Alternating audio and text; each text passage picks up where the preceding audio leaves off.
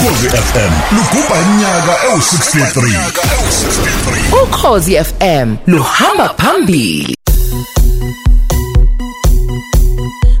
Izolo ohlelweni kube nokuphikisana okuningi kukhulunywa ngodaba oluthinta kakhulukazi eh ukuthi ngabe owesilisa uma ezocela kowesifazane kubukeka kanjani abesifazane bona nabesilisa bona nabo babuka kanjani.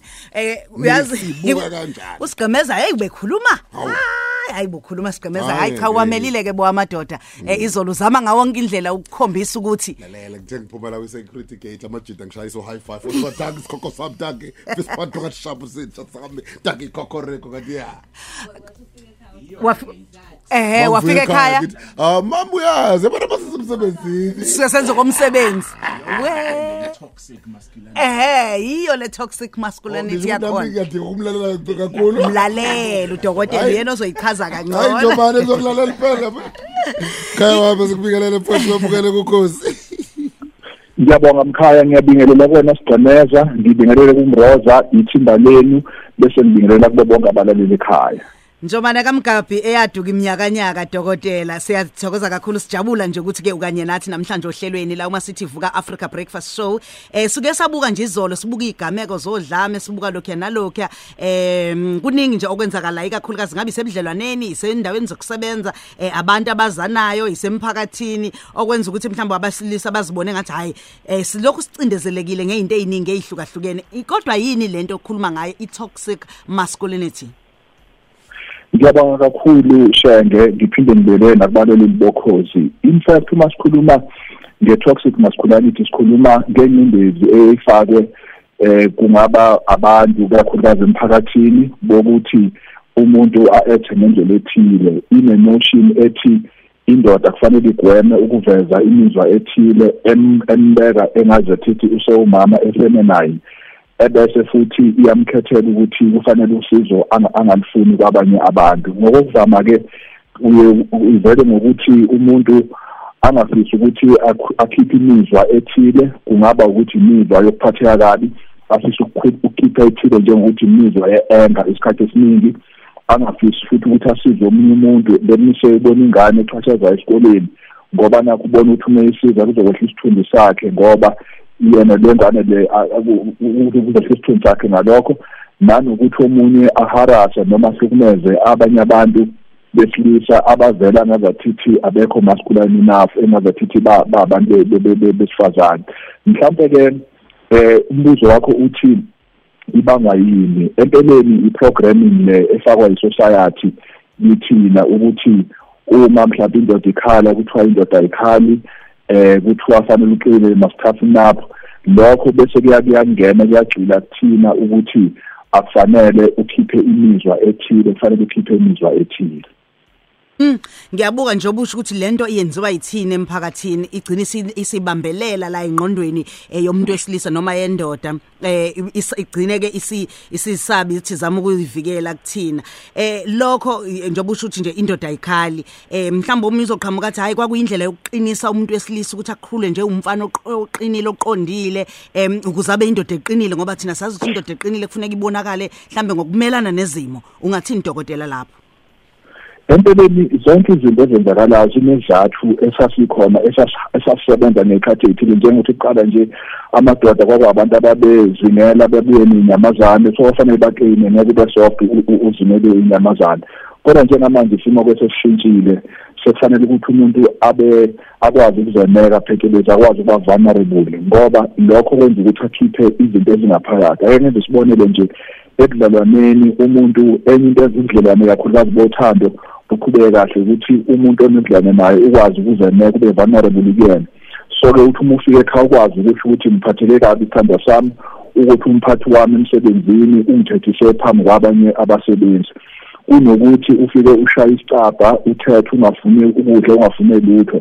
Kanti uba ube vulnerable uzokwazi ukusho konke. Siye sithi ke imizi ihlukene kabili khona primary emotions ama secondary emotions. So ukuca- ukucasuka ngokuvama kuye kube i-secondary emotion evala i-primary emotion. So isikhathi esiningi umuntu uma enokucasuka kusuke kukhona lo muzwa angafisi ukuwukhipha uvalile. Omunye umuntu umeze ubuhlungu i-pain uveza i-anger ngaphezulu angayivezi i-primary emotion which is pain.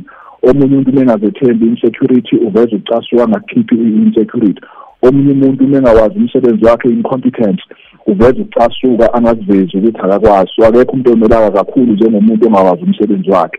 So ke i-toxic masculinity yenza ukuthi umuntu angayikhiphi i-primary emotion ethi njengoba ngishonelwe nje kubuhlungu njengoba ngidiliziwe nje emsebenzini kubuhlungu njengoba ngingakwazi ukusapotha ingane zami kubuhlungu kunalokho akhiphe i-secondary emotion eveza ukucasuka kukhiphela kwabanye abantu. Eh Njomane uyazi eh, njoba ngikulalele nje ukhuluma ngibuka nje ukuthi njoba uthi kuyenzeka umuntu eh asaba ukuzothi inkosikazi emsebenzini ngithethiswe kanje noma eh ngithe ngifika kwi traffic mhlambe iphoyisa eh noma ehamba nayo Ehamba inkosikazi nalo, yes. eh mhlambe mthethise limthethise eh keep license nan nan nan uthola ukuthi mhlambe uya- uya- uyenzeka akucindezele lokho akuthule ngoba uzama ukuthi inkosikazi ibone ukuthi hayi nayi phela ustrong kodwa bese kumlimaza ngokuhamba isikhathi yes kunjalo. Empeleni enye yezinto ezinegative about i-toxic masculinity. Okokuqala yenza ukuthi ungakwazi ukuvuleleka ukhipha izinto ezi- ezingaphakathi kuyona ezenzeke ngalelo suku kumbe.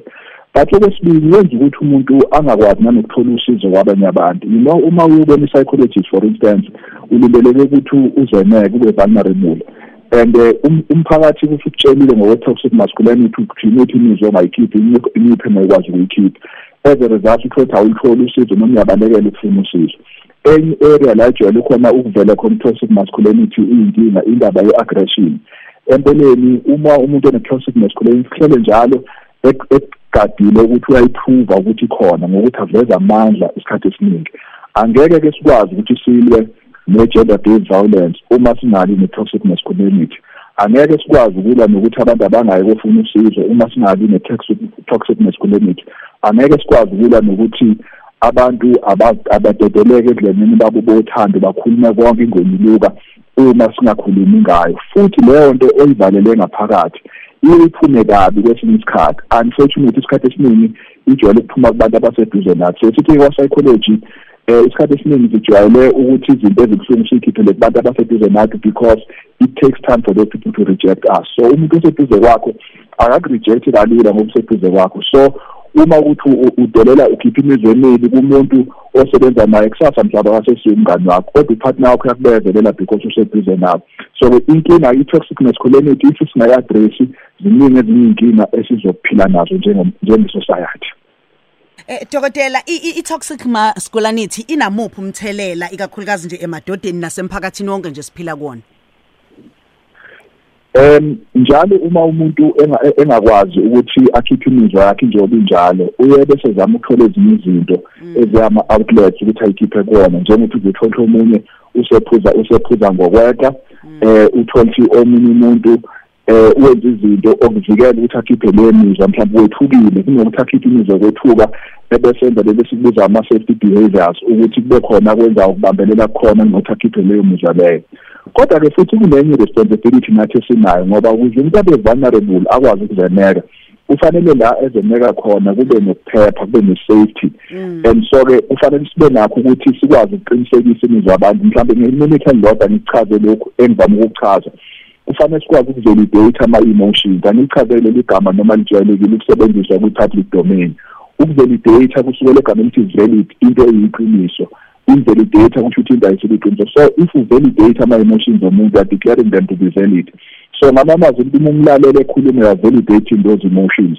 If ukuthi umuntu uyamvumela uya-validating those emotions. Ukumvumela ngisho ukuthi uya-acknowledge ama-emotions akhe.